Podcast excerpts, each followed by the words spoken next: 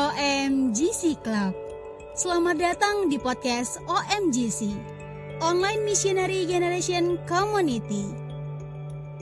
Kali ini kita akan belajar bersama Katian Yestenia yang akan berbagi tentang the best gift special OMGC Christmas. Selamat mendengarkan. Halo semuanya, selamat apa malam ya? Selamat malam. Udah jam 8 kurang sedikit di Medan.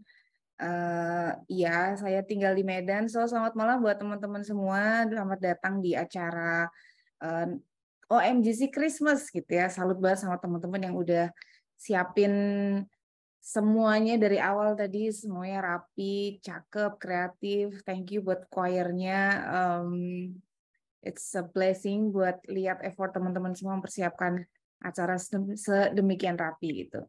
Uh, malam hari ini, oke okay, mungkin kenalan dikit ya teman-teman. Nama saya Tian Destania, uh, biasa dipanggil Tian. Dan uh, saat ini saya main di YSIS Indonesia. Malam hari ini saya dipercayakan gitu ya sama teman-teman OMGC untuk menyampaikan sedikit bagian dari firman Tuhan. So, malam hari ini kita akan belajar sedikit. Uh, saya bukan pengkhotbah, teman-teman. Saya juga tidak punya gelar pastor di depan nama saya. Jadi, uh, malam hari ini adalah sharing dari murid Kristus ke murid Kristus yang lainnya ya. Jadi, saya berharap malam ini teman-teman nggak ngerasa digurui, nggak ngerasa dikhotbahi, tapi kita sama-sama belajar gitu. Um, saya izin share screen dulu, boleh ya?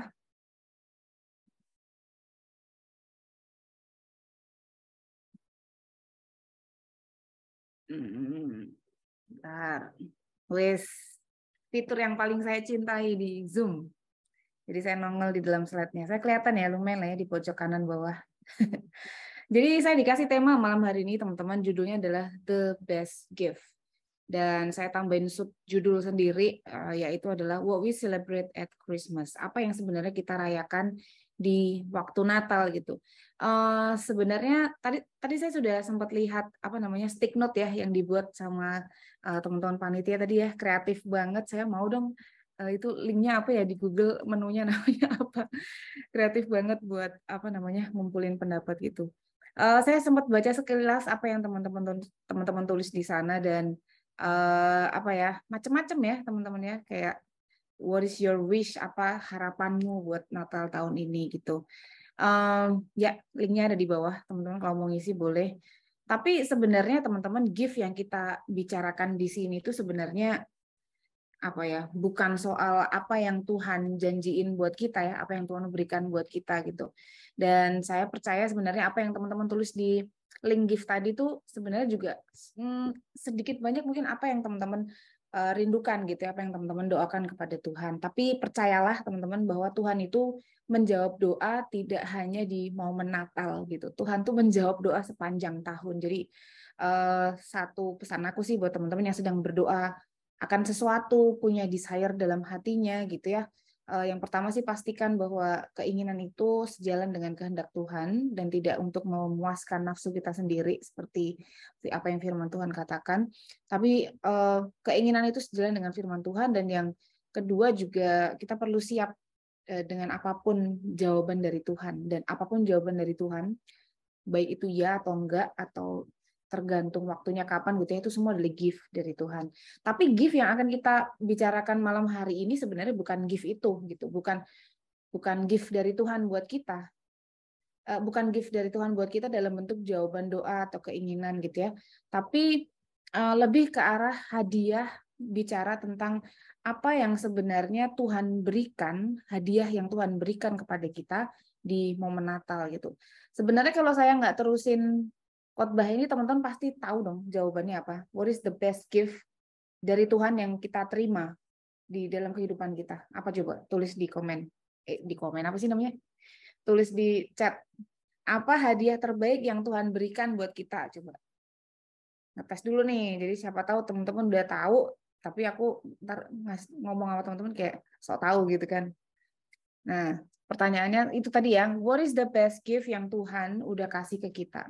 Jawabannya Yesus, kelahiran Tuhan Yesus, kasih Yesus, Yesus, Sang Juru Selamat, kematiannya untuk menebus dosa. Uh, Wilson jawabnya makanan. Uh, Wilson langsung tetot salah. uh, kasih karunia. Uh, apalagi? Apalagi teman-teman, what is the best gift yang Tuhan udah kasih ke kita? Sebagian besar teman-teman udah ngejawab sesuai dengan apa yang kita mau sharing ya. Jadi khotbahnya udah selesai, eh khotbahnya, sharingnya udah selesai sampai di sini kita berdoa. Teman-teman udah tahu jawabannya bahwa hadiah terbaik yang Tuhan berikan kepada kita itu adalah dirinya sendiri. Sekali lagi ya teman-teman, hadiah terbaik yang Tuhan telah berikan kepada kita itu adalah dirinya sendiri. Bukan bukan hal-hal yang lain gitu. Berkat terbaik yang Tuhan berikan buat kita itu adalah dirinya sendiri. Dan malam hari ini teman-teman eh, saya nggak akan ngajak teman-teman tuh panjang lebar, muter-muter, terus nanti jawabannya the best gift adalah Yesus gitu, bukan itu.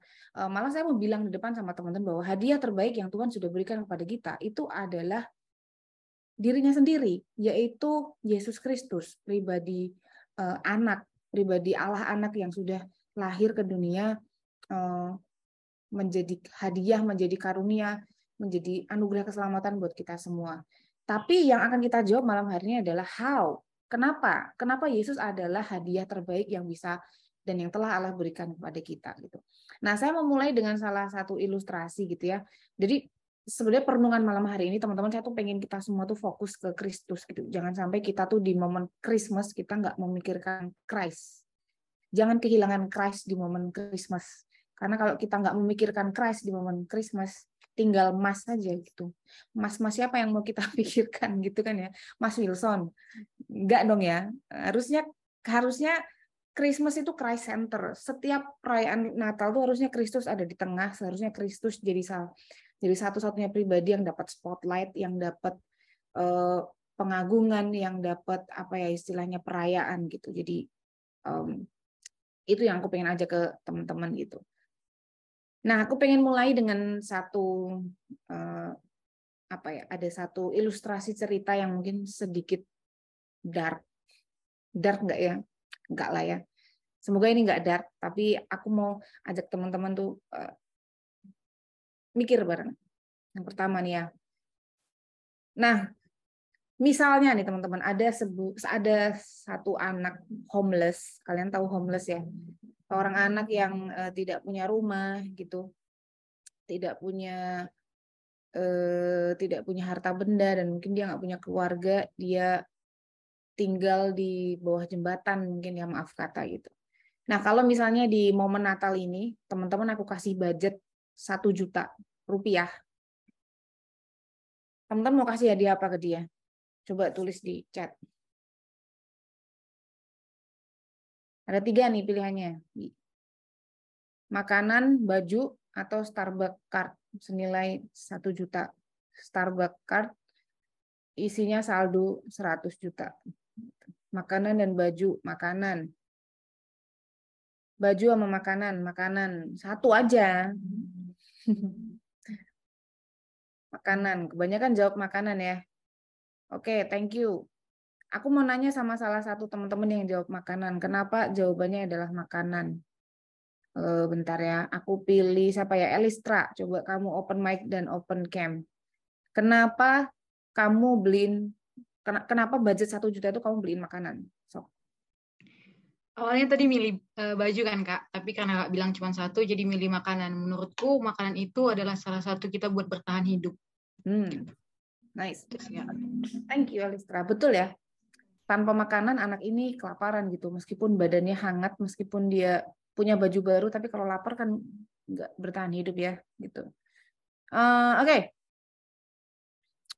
selanjutnya adalah Wilson ini bercanda terus by the way.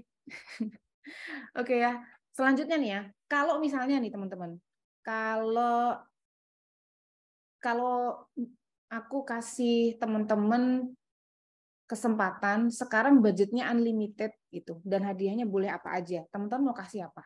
Coba sekreatif mungkin. Coba berpikir nih ada anak homeless kasihan gitu ya. Uh, dia nggak punya keluarga.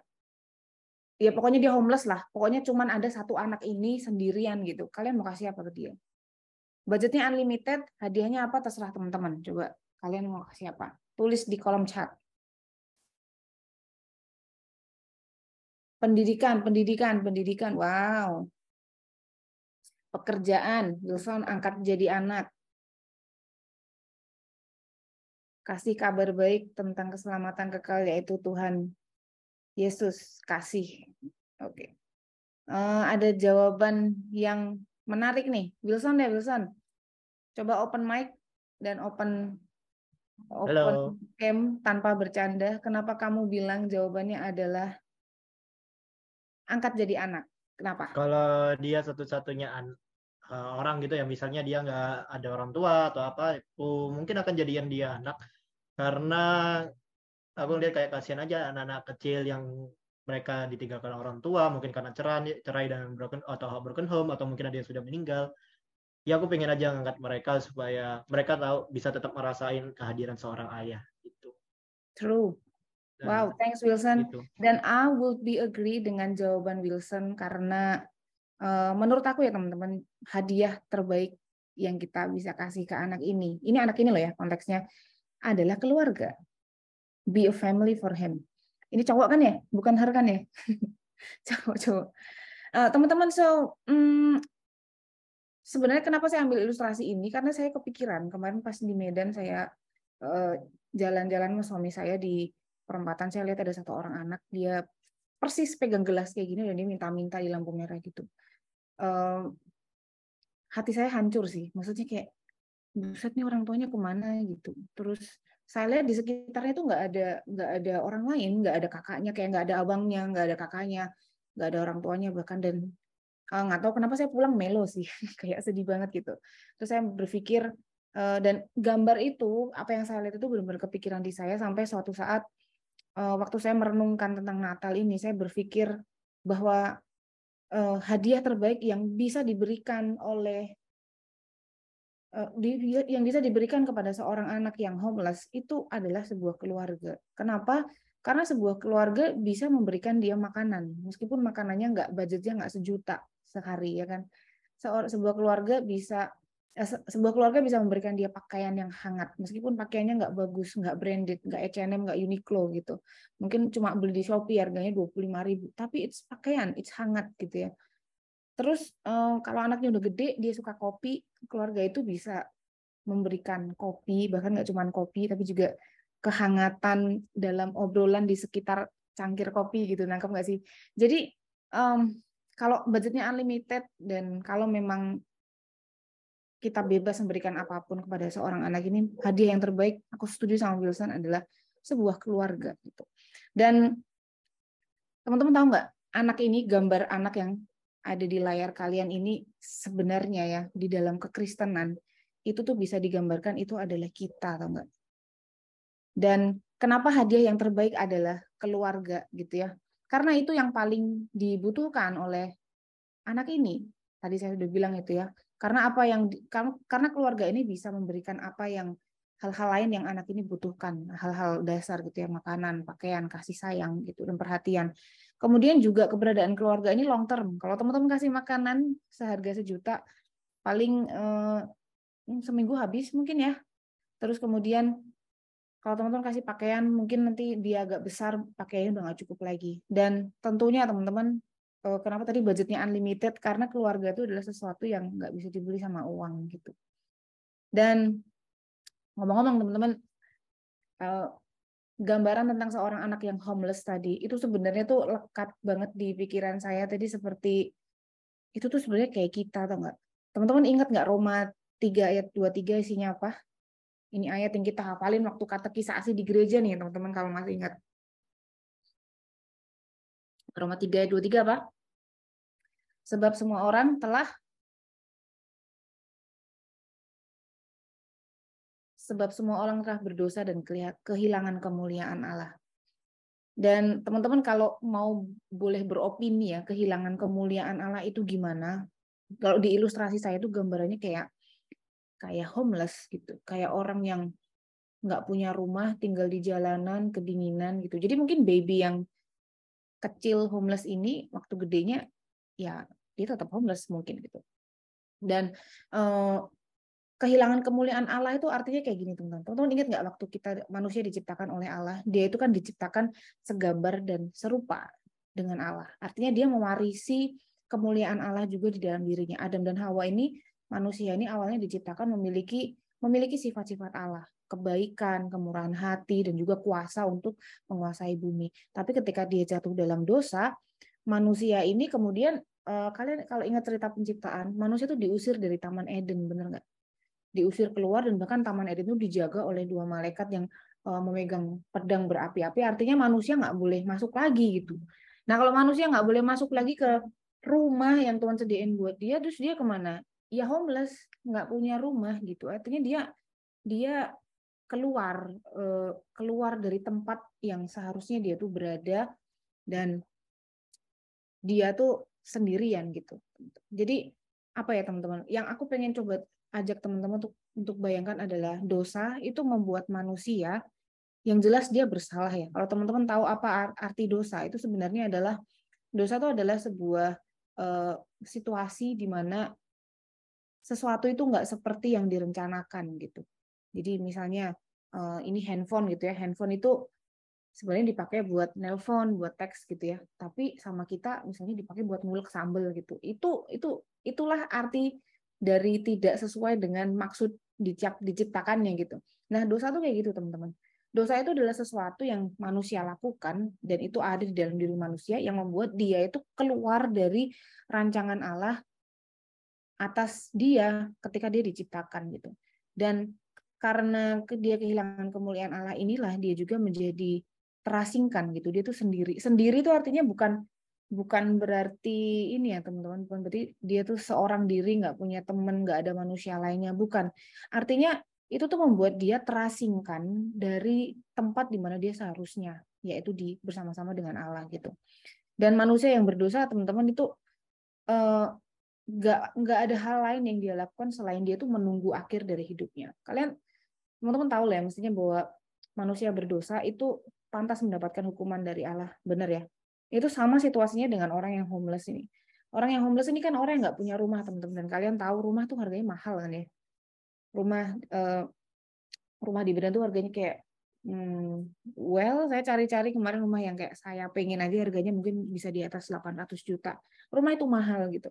Untuk orang yang bekerja aja kadang-kadang rumah tuh nggak affordable. Apalagi untuk seorang homeless gitu jadi apa yang diharapkan oleh seorang homeless selain dia ya udah dia maaf kata ya teman-teman dia hanya menunggu kehidupannya ini berakhir tanpa ada harapan untuk uh, adanya perubahan dalam hidup gitu. Ya, singkatnya dia hanya waiting for the end. Dia hanya menunggu akhir dari hidupnya aja. Dan dosa itu membuat kita, buat, manusia itu berada dalam kondisi seperti itu. Nah, seperti halnya eh, anak kecil tadi, teman-teman yang yang di depan tadi ya. Kalau ada teman-teman dikasih budget unlimited gitu, kan salah satu hadiah terbaiknya adalah keluarga ya, teman-teman. Itu yang membuat kenapa Eh, keluarga itu adalah salah satu doktrin penting di dalam keluarga. Eh, di dalam Alkitab, sorry, di dalam kekristenan. Eh, yang ada di gambar ini, teman-teman, kalian pasti familiar. Ini namanya adalah Pastor David Platt, salah satu pastor favorit saya. Um, kalian beberapa kalau kalian punya bukunya pernah baca bukunya judulnya radikal kalian pasti tahu apa yang dia ajarkan uh, bapak ini punya karunia mengajar yang luar biasa ini keluarganya beliau asli, saya cari di Google dan uh, ini beneran fotonya dia. Dan uh, teman-teman empat orang anak kecil ini, ini yang dua adalah anak kandungnya, yang dua adalah anak adopsi, anak yang dia angkat gitu. Dan uh, kalau nanti kalian sempat nyari di internet, coba cari khotbahnya Pak David Platt yang bicara tentang adoption, the heart of the gospel. Uh, kalau teman-teman baca Roma 8, saya ajak teman-teman buka Alkitab aja deh. Coba kita lihat sebentar. Roma 8 ayat 14 sampai 17. Saya bacain ya. Semua orang yang dipimpin roh Allah adalah anak Allah. Sebab kamu tidak menerima roh perbudakan yang membuat kamu menjadi takut lagi, tetapi kamu telah menerima roh yang menjadikan kamu anak Allah. Oleh roh itu kita berseru, Ya Aba, Ya Bapak. Roh itu bersaksi bersama-sama dengan roh kita bahwa kita adalah anak-anak Allah. Dan jika kita adalah anak, maka kita juga adalah ahli waris. Maksudnya orang-orang yang berhak menerima janji-janji Allah. Yang akan menerimanya bersama-sama dengan Kristus, yaitu jika kita bersama-sama dengan dia. Menderita bersama-sama dengan dia, supaya kita juga dipermuliakan bersama-sama dengan dia. Nah, Roma 8 ini teman-teman, Paulus di sana tuh sedang berbicara tentang bagaimana manusia yang berdosa itu dihidupkan oleh roh gitu. Dan roh Allah yang Allah berikan melalui keselamatan itu membuat kita itu boleh memanggil Allah itu dengan sebutan Bapa. Jadi kita tuh dipanggil anak. Kalau sekarang kita dipanggil anak berarti kita boleh panggil Allah sebagai uh, Bapak kan gitu ya. Nah, Roma 8 ini doktrin yang sangat unik di dalam Alkitab, teman-teman, karena bicara tentang proses adoption. Jadi tadinya kita ini kan berdosa, kita ini musuh-musuh Allah loh teman-teman. Kalian kalau tahu Paulus itu ngasih label ke manusia berusaha itu musuh Allah loh. Bayangin dari yang musuh jadi anak itu gimana ceritanya coba? Kalian eh, saya suka pakai ilustrasi ini. Kalian pernah nonton Marvel kan ya? Marvel yang di Avenger terakhir. Bayangin ya ada eh, dua dua tokoh yang bermusuhan ini kan Thor sama Iron Man misalnya. Iron Man kan punya anak ya bayangin kalian bayangin dua tokoh yang bermusuhan ini uh, misalnya Iron Man punya anak terus anaknya Iron Man ini diangkat anak sama Thor gitu. Itu sesuatu yang aneh kan ya? Sesuatu aneh sesuatu yang weird banget gitu. Bagaimana mungkin uh, anak dari musuh kita itu kita jadikan anak? Itu tuh sesuatu yang sesuatu yang nggak nggak umum gitu nggak common gitu. Dan sebenarnya sesuatu yang kita pandang aneh itu, itulah yang terjadi di dalam Injil. Ketika Allah menyelamatkan kita, kita ini sebenarnya harusnya binasa karena dosa. Kita semua anak-anak Adam dan Hawa ini harusnya layak dihukum karena dosa. Tetapi Allah memberikan kasih karunia-Nya, memberikan rohnya kepada orang-orang yang mau percaya kepadanya, kita dikasih roh, terus kita boleh panggil Allah sebagai Bapak. Teman-teman kalau kalian nggak bisa kalau kita semua nggak bisa membayangkan betapa betapa dosa itu sangat merusak kita dan betapa dosa itu sangat menjauhkan kita dari hadapan Allah dan betapa dosa itu sangat menjijikan di hadapan Allah. Teman-teman tuh nggak akan pernah melihat keindahan Injil. Dan kalau teman-teman nggak pernah bisa melihat keindahan Injil teman-teman tuh nggak akan pernah memberitakan Injil. Jadi sebelum kita memberitakan Injil pastikan kita tuh mengerti keindahan Injil dulu gitu dan kalau kita nggak mengerti betapa rusaknya kita di hadapan Allah, kita tuh nggak akan pernah melihat betapa indahnya Injil itu bagi kita. Aku nggak tahu seberapa hal ini mungkin ribet bagi teman-teman, tapi tapi itulah yang Alkitab ajarkan kepada kita. Alkitab ini sebenarnya penuh dengan paradoks, teman-teman. Jadi satu sisi kita tuh dikasih tahu betapa kita tuh sangat rusak dan berdosa, sehingga kita tuh nggak layak di hadapan Allah. Makanya ada uh, makanya Alkitab waktu Alkitab bicara tentang neraka itu nggak main-main kan gitu. Ada beberapa gambaran yang dituliskan di dalam Alkitab yang kadang-kadang kita nggak suka gitu ya. Alkitab tuh penuh dengan orang-orang yang meratap ada kertak gigi ada api yang tidak berkesudahan di sana. Itu tuh sebenarnya nunjukin betapa Allah itu benar-benar tidak suka dengan dosa.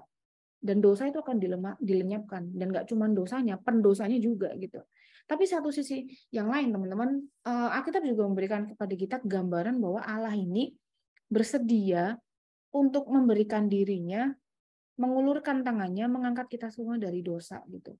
Dan kalau kita nggak mengerti betapa remuknya kita karena dosa yang kita lakukan di hadapan Allah, saya rasa kita nggak akan pernah mengerti uh, keindahan Injil itu seperti apa, dan kita nggak akan pernah mensyukuri itu, dan seumur hidup kekristenan kita isinya cuma ritual ibadah main-main tanpa pernah kita tuh kagum beneran sama apa yang Yesus lakukan gitu.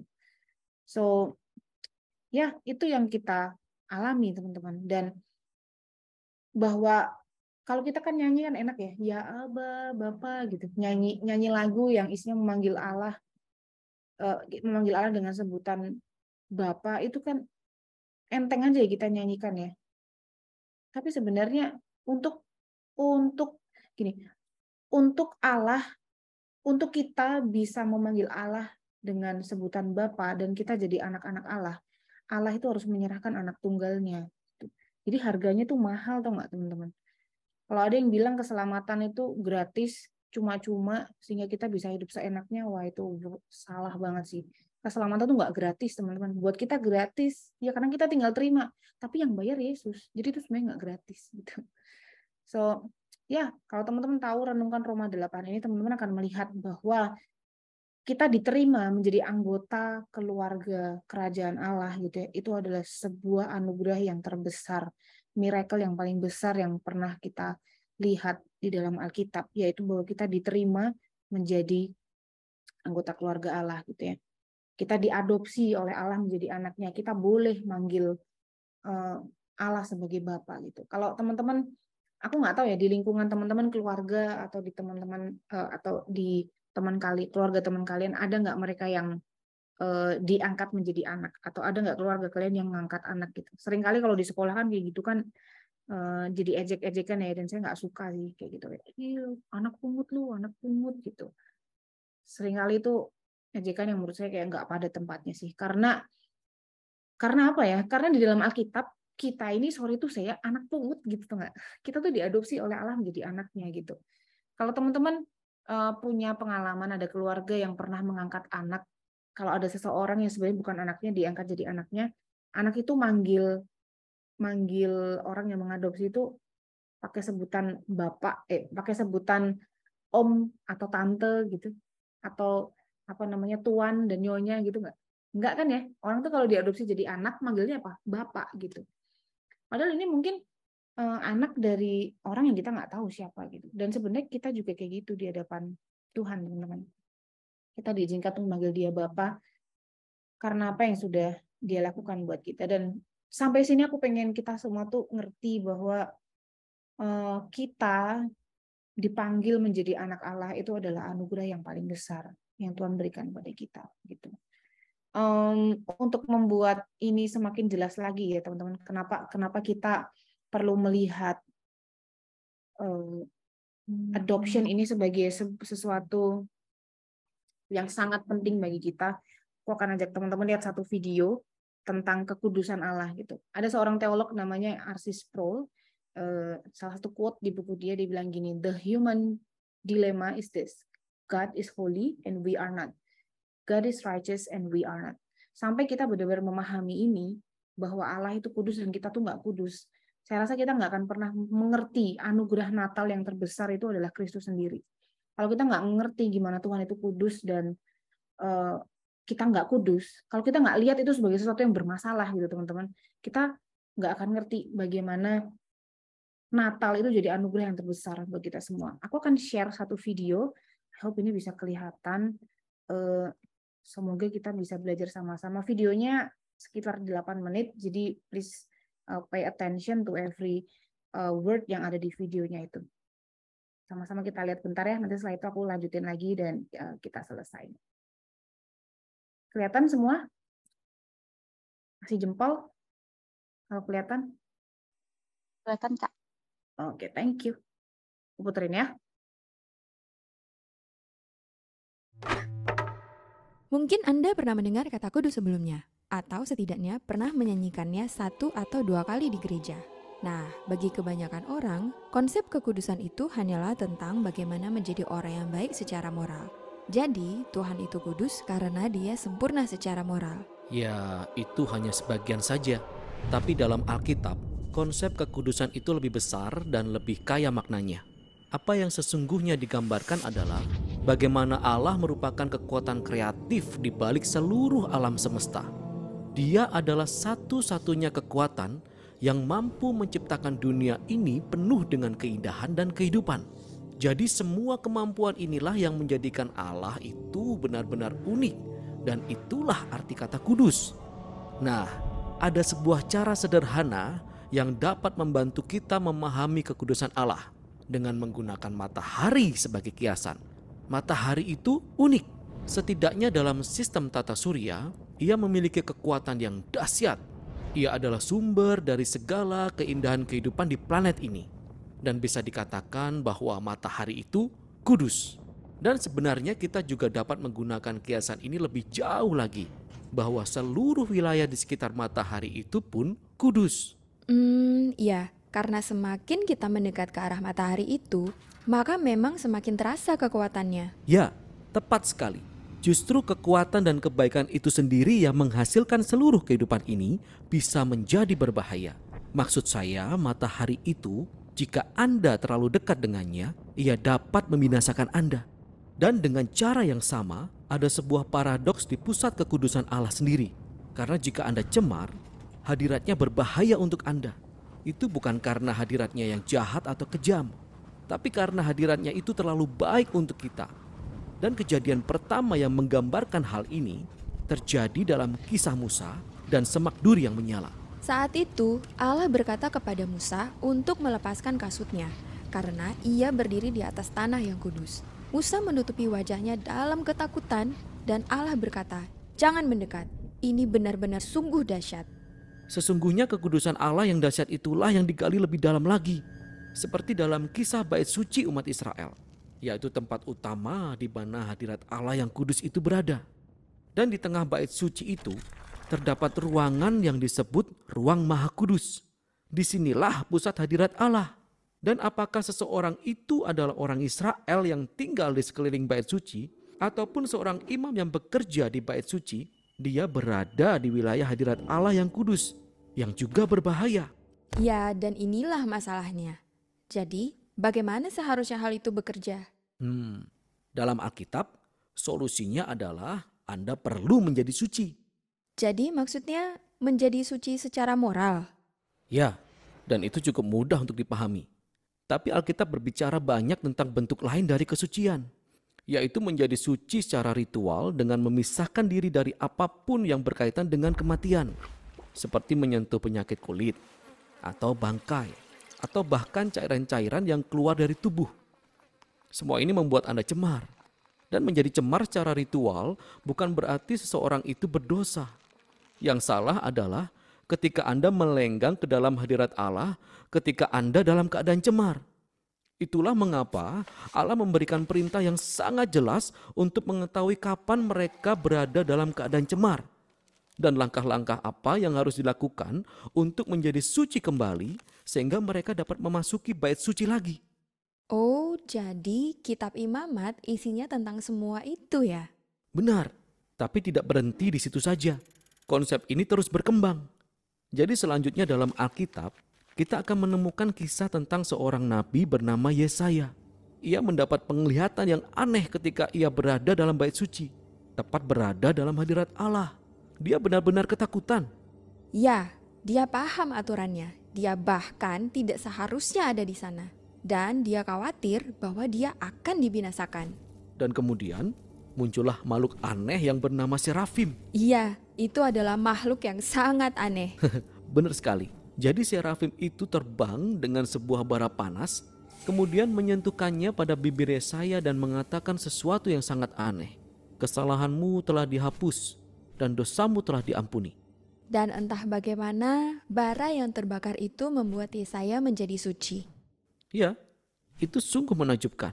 Karena biasanya jika Anda menyentuh sesuatu yang cemar, kecemarannya akan berpindah kepada Anda. Tapi sekarang di sini ada sebuah konsep baru tentang bara, sebuah benda yang sangat kudus dan murni dan menyentuh Yesaya, lalu memindahkan kemurnian itu kepadanya.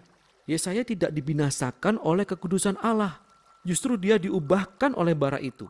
Maksud saya, makna yang ditimbulkannya ini sangat besar.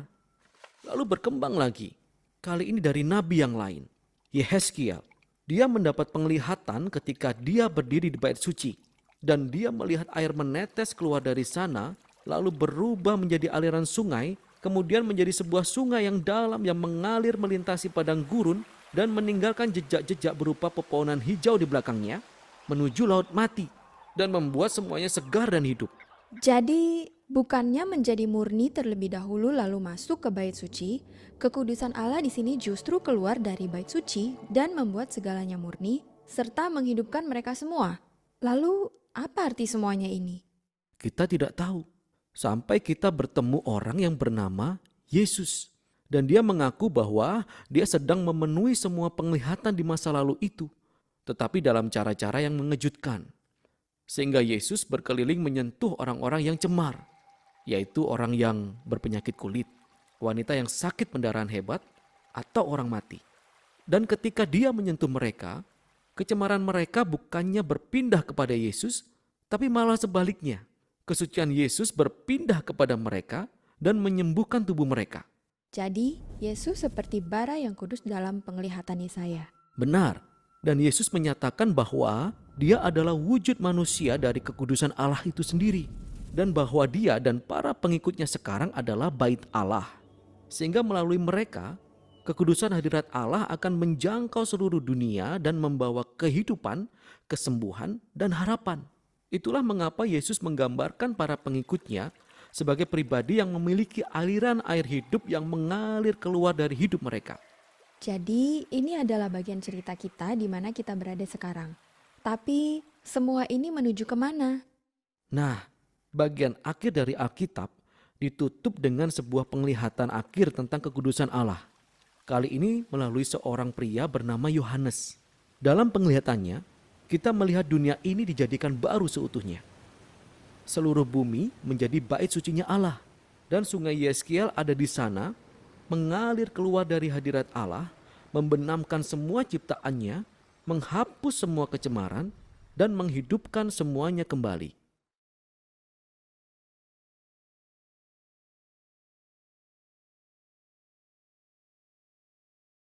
Nah, semoga tadi saya putar video 8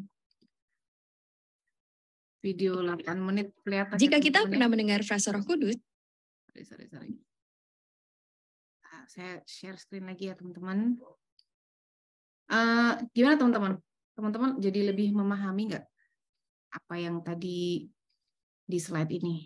Nih, tadi kan saya aku share soal uh, there's a dilemma di dalam kehidupan manusia ini. Dan dilemanya menurut Arsis Sproul adalah Allah itu kudus dan kita enggak gitu.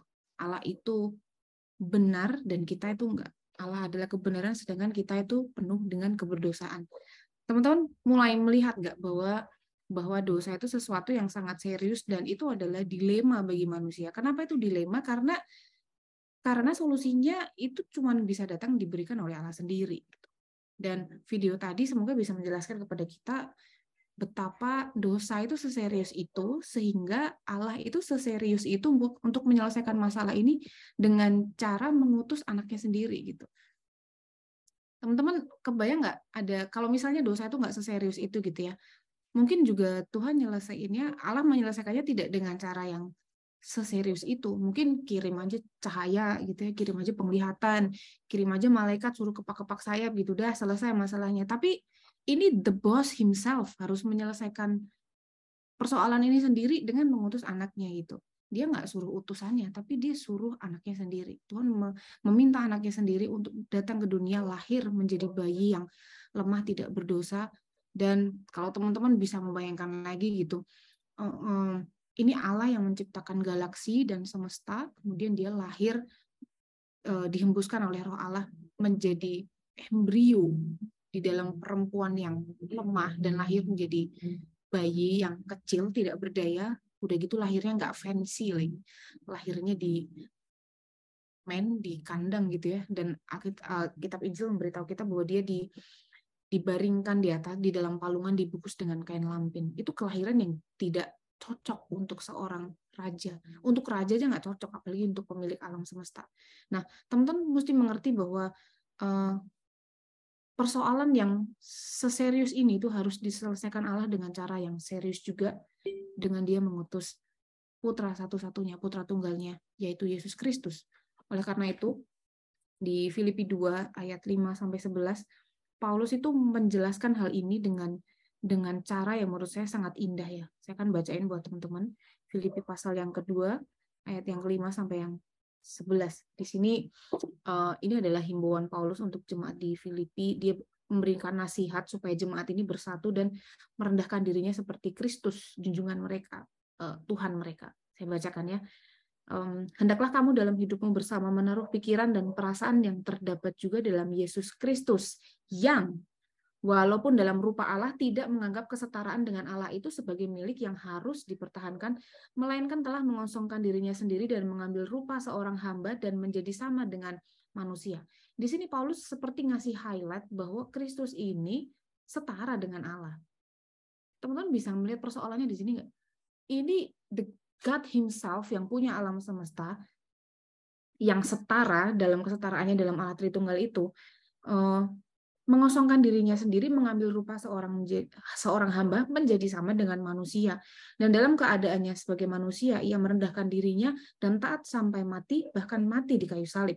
Itulah sebabnya Allah meninggikan dia dan mengaruniakan kepadanya nama di atas segala nama supaya dalam nama Yesus bertekuk lutut segala yang ada di langit dan ada yang yang ada di atas bumi dan yang di bawah bumi. Dan mengaku Yesus Kristus adalah Tuhan bagi kemuliaan Allah Bapa.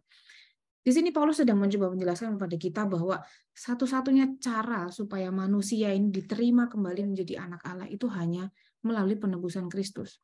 Hanya melalui hanya dengan cara bahwa Allah yang berada di tahtanya ini harus turun mengosongkan dirinya menjadi manusia.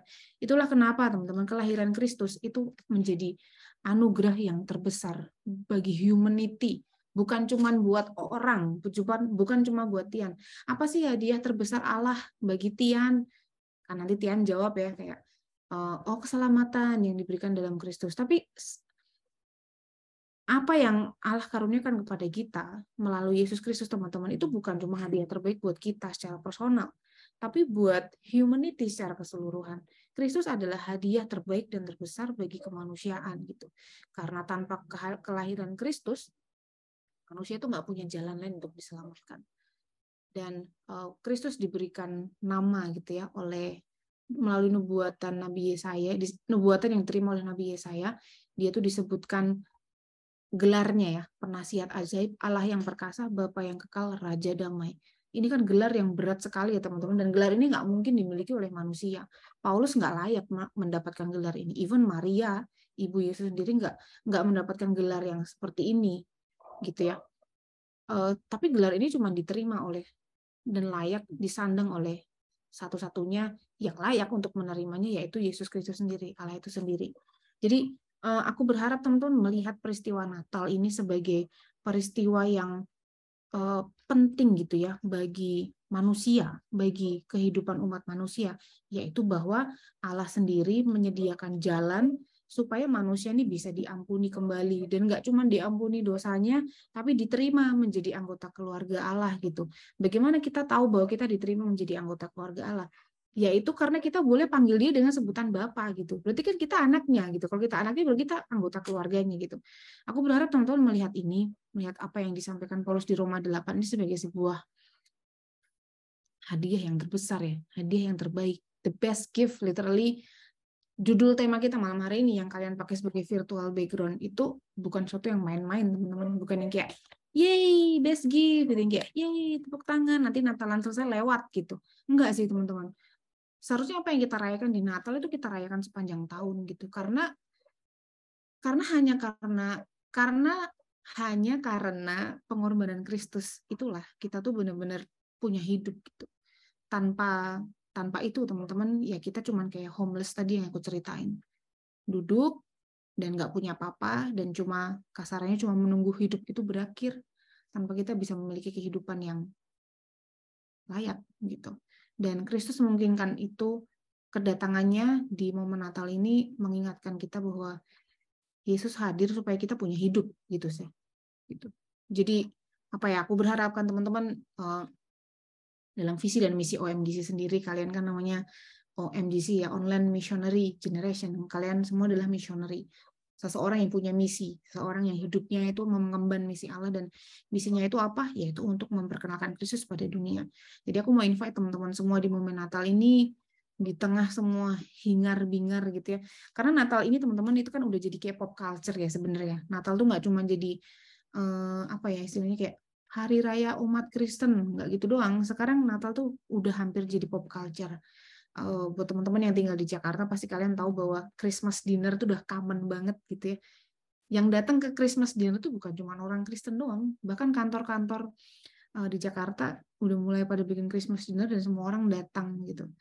Dan semua umat beragama nggak cuma nggak cuma orang Kristen doang merayakan Natal dan seolah-olah itu jadi hal yang common dan sebenarnya itu bagus nggak bagus ya bagus karena artinya uh, kekristenan udah diterima gitu ya jadi uh, salah satu religion di Indonesia yang welcome semua orang bisa join dalam sukacitanya gitu tapi buruknya, kurang baiknya adalah bisa jadi Natal itu berkurang warna maknanya berkurang. Jadi eh, orang cuma ikut hore-horenya tanpa memahami makna yang sesungguhnya dari Natal itu sendiri gitu. Dan itu kan sayang banget ya. Jadi kayak ada salah satu judul buku yang bagus banget teman-teman cari PDF-nya atau beli di toko buku, bukunya Timothy Keller, judulnya Hidden Christmas, Natal yang tersembunyi. Itu bagus banget sih bukunya teman-teman. Kalian akan dibawa melihat betapa sayang banget seluruh dunia tuh sekarang merayakan Natal sebagai sebuah pop culture, tapi sebenarnya makna Christmasnya sendiri itu tetap tersembunyi gitu. Kenapa makna Natalnya tersembunyi? Karena orang Kristen nggak cerita gitu, diem aja. Karena orang Kristen tiap kali Natalan kayak Merry Christmas gitu, tapi nggak pernah pakai momen itu untuk benar-benar bercerita kenapa Yesus itu datang. Kenapa Yesus tuh perlu banget gitu datang? Kenapa nggak kenapa nggak nabi aja yang disuruh gitu sih? Kenapa harus anak Allah sendiri? Karena buat orang-orang di luar sana, teman-teman, kekristenan itu rumit loh. Dan Natal itu nggak masuk akal sebenarnya. Kenapa Natal itu nggak masuk akal? Karena Natal itu kan merayakan Allah yang hadir dalam rupa manusia. Itu buat orang yang bukan bukan Kristen, teman-teman. Itu hal yang nggak masuk akal sama sekali. Itu tuh susah dimengerti. Ngapain coba Allah datang jadi manusia? Kita kan yang di dalam gereja gitu ya. Kita kan nyanyi lagu itu kan Tuhan jadi sama dengan manusia gitu ya. Salam-salam, enak aja nyanyinya. Tapi kalau orang yang bukan Kristen dengar kalimat itu teman-teman, bingung loh mereka. Bingung loh. Serius, karena itu memang sangat membingungkan. Kenapa coba Allah repot-repot jadi manusia? Ya, aku udah sampein jawabannya tadi teman-teman. Kenapa Allah perlu segitunya jadi manusia? Karena dosa itu sebegitu bermasalahnya dan gak ada orang lain yang bisa menyelesaikan masalah itu selain Allah sendiri. The boss himself harus turun menyelesaikan masalah itu. Seserius itu Natal, teman-teman. Dan aku rasa sayang sekali kalau kita melewatkan momen Natal ini dan kita hanya menjadikannya sebagai momen untuk uh, cheer, menjadikannya momen untuk apa ya istilahnya meriah tapi nggak dalam gitu. Jadi aku mau encourage teman-teman semua di momen Natal ini coba deh berdoa nanya sama Tuhan apa yang kita bisa lakukan di momen Natal ini untuk bercerita tentang Yesus kepada seseorang gitu. Uh, seseorangnya siapa? Nggak tahu, nanya aja. Uh, coba teman-teman berdoa dan bertanya pada Roh Kudus. Bisa jadi keluarga, bisa jadi kalian pakai sosial media kalian, bikin satu album post yang kreatif, uh, atau bikin reels, kalian semua kan kreatif-kreatif semua nih. OMGC itu penuh dengan orang-orang kreatif. Coba pakai bekerja sama pakai kreativitasnya kita bikin satu postingan yang kayak ngejelasin banget tentang makna Natal yang sesungguhnya, yang tersembunyi itu. Tersembunyi ketutupan sama apa? Ketutupan sama heboh-hebohnya nih loh teman-teman. Ketutupan sama perayaan Natal, ketutupan sama diskon Natal gitu ya, ketutupan sama flash sale gitu. Uh, coba kita munculkan lagi Natal yang tersembunyi dan kita sampaikan kepada dunia. Apa maksud kedatangan Allah ke dunia ini? Karena ini udah 2000 tahun lebih, teman-teman. Uh, masih ada miliaran orang yang belum dengar kedatangannya yang pertama. Nanti Yesus mau datang lagi kan. Jangankan kedatangannya yang kedua, kedatangannya yang pertama aja banyak yang belum dengar loh, bayangin. Sedih kan? Sedih sih. Harusnya momen Natal ini juga bisa jadi refleksi buat kita. Apakah kita sejauh ini sebagai murid Kristus itu sudah cukup bersaksi tentang kedatangannya yang pertama? Kita udah cukup bersaksi belum? Udah full effort belum kita? Kalau kita bilang cuman, udah sih kak, udah pernah bersaksi, seberapa sering? Ya, kadang-kadang. Kenapa kita kadang-kadang aja bersaksinya? Kenapa kita nggak lakukan sesuatu yang sebenarnya kita bisa, tapi kita mungkin enggan atau malas atau takut gitu.